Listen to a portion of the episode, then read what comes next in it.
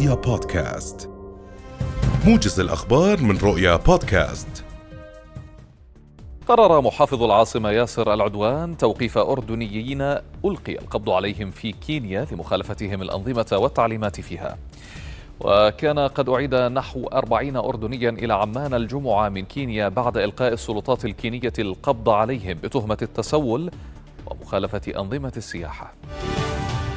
قالت إدارة الأبنية والمشاريع الدولية في وزارة التربية والتعليم إن الوزارة تقوم أو ستقوم بإنشاء 200 مدرسة خلال الخمس سنوات القادمة مدير إدارة الأبنية في الوزارة المهندس إبراهيم السمامعة بين أن ذلك يأتي لمواجهة الاكتظاظ والاستغناء عن المباني المستأجرة واستيعاب الأعداد المتزايدة من الطلبة الجدد.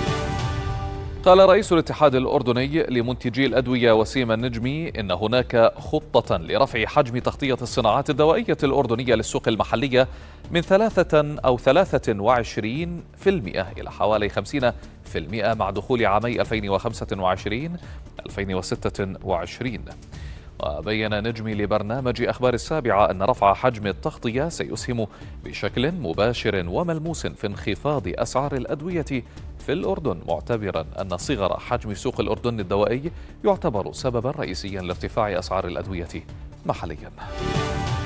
قررت مديرية الأمن العام السماح بتضليل المركبات بنسبة لا تزيد عن 50% من مستوى الرؤية الداخلية للمركبة وذلك بعد أن كانت لا تتجاوز 30%.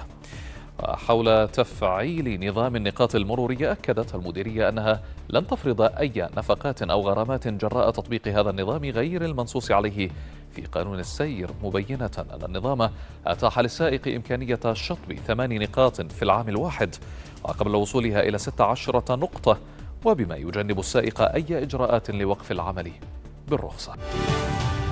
استشهد فجر اليوم شاب متأثر أو متأثرا بإصابته برصاص الاحتلال قبل عدة أيام في مدينة جنين بالضفة الغربية المحتلة وفق مستشفى خليل سليمان الحكومي.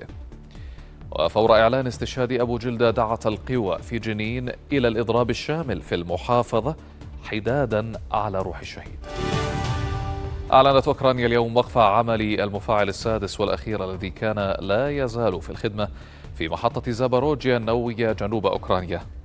وأعلنت الشركة الأوكرانية المشغلة للمحطة الأكبر في أوروبا اليوم فصل الوحدة رقم ستة عن الشبكة الكهربائية مبينة أن التحضيرات جارية لتبريدها. أقيمت في عاصمتي أستراليا ونيوزيلندا مراسم لإعلان الملك تشارلز الثالث رسميا ملكا لكلا البلدين. ويأتي ذلك في وقت يبدأ فيه نعش الملكة إليزابيث اليوم رحلته إلى العاصمة البريطانية لندن قبل جنازتها الرسمية في التاسع عشر من الشهر الحالي.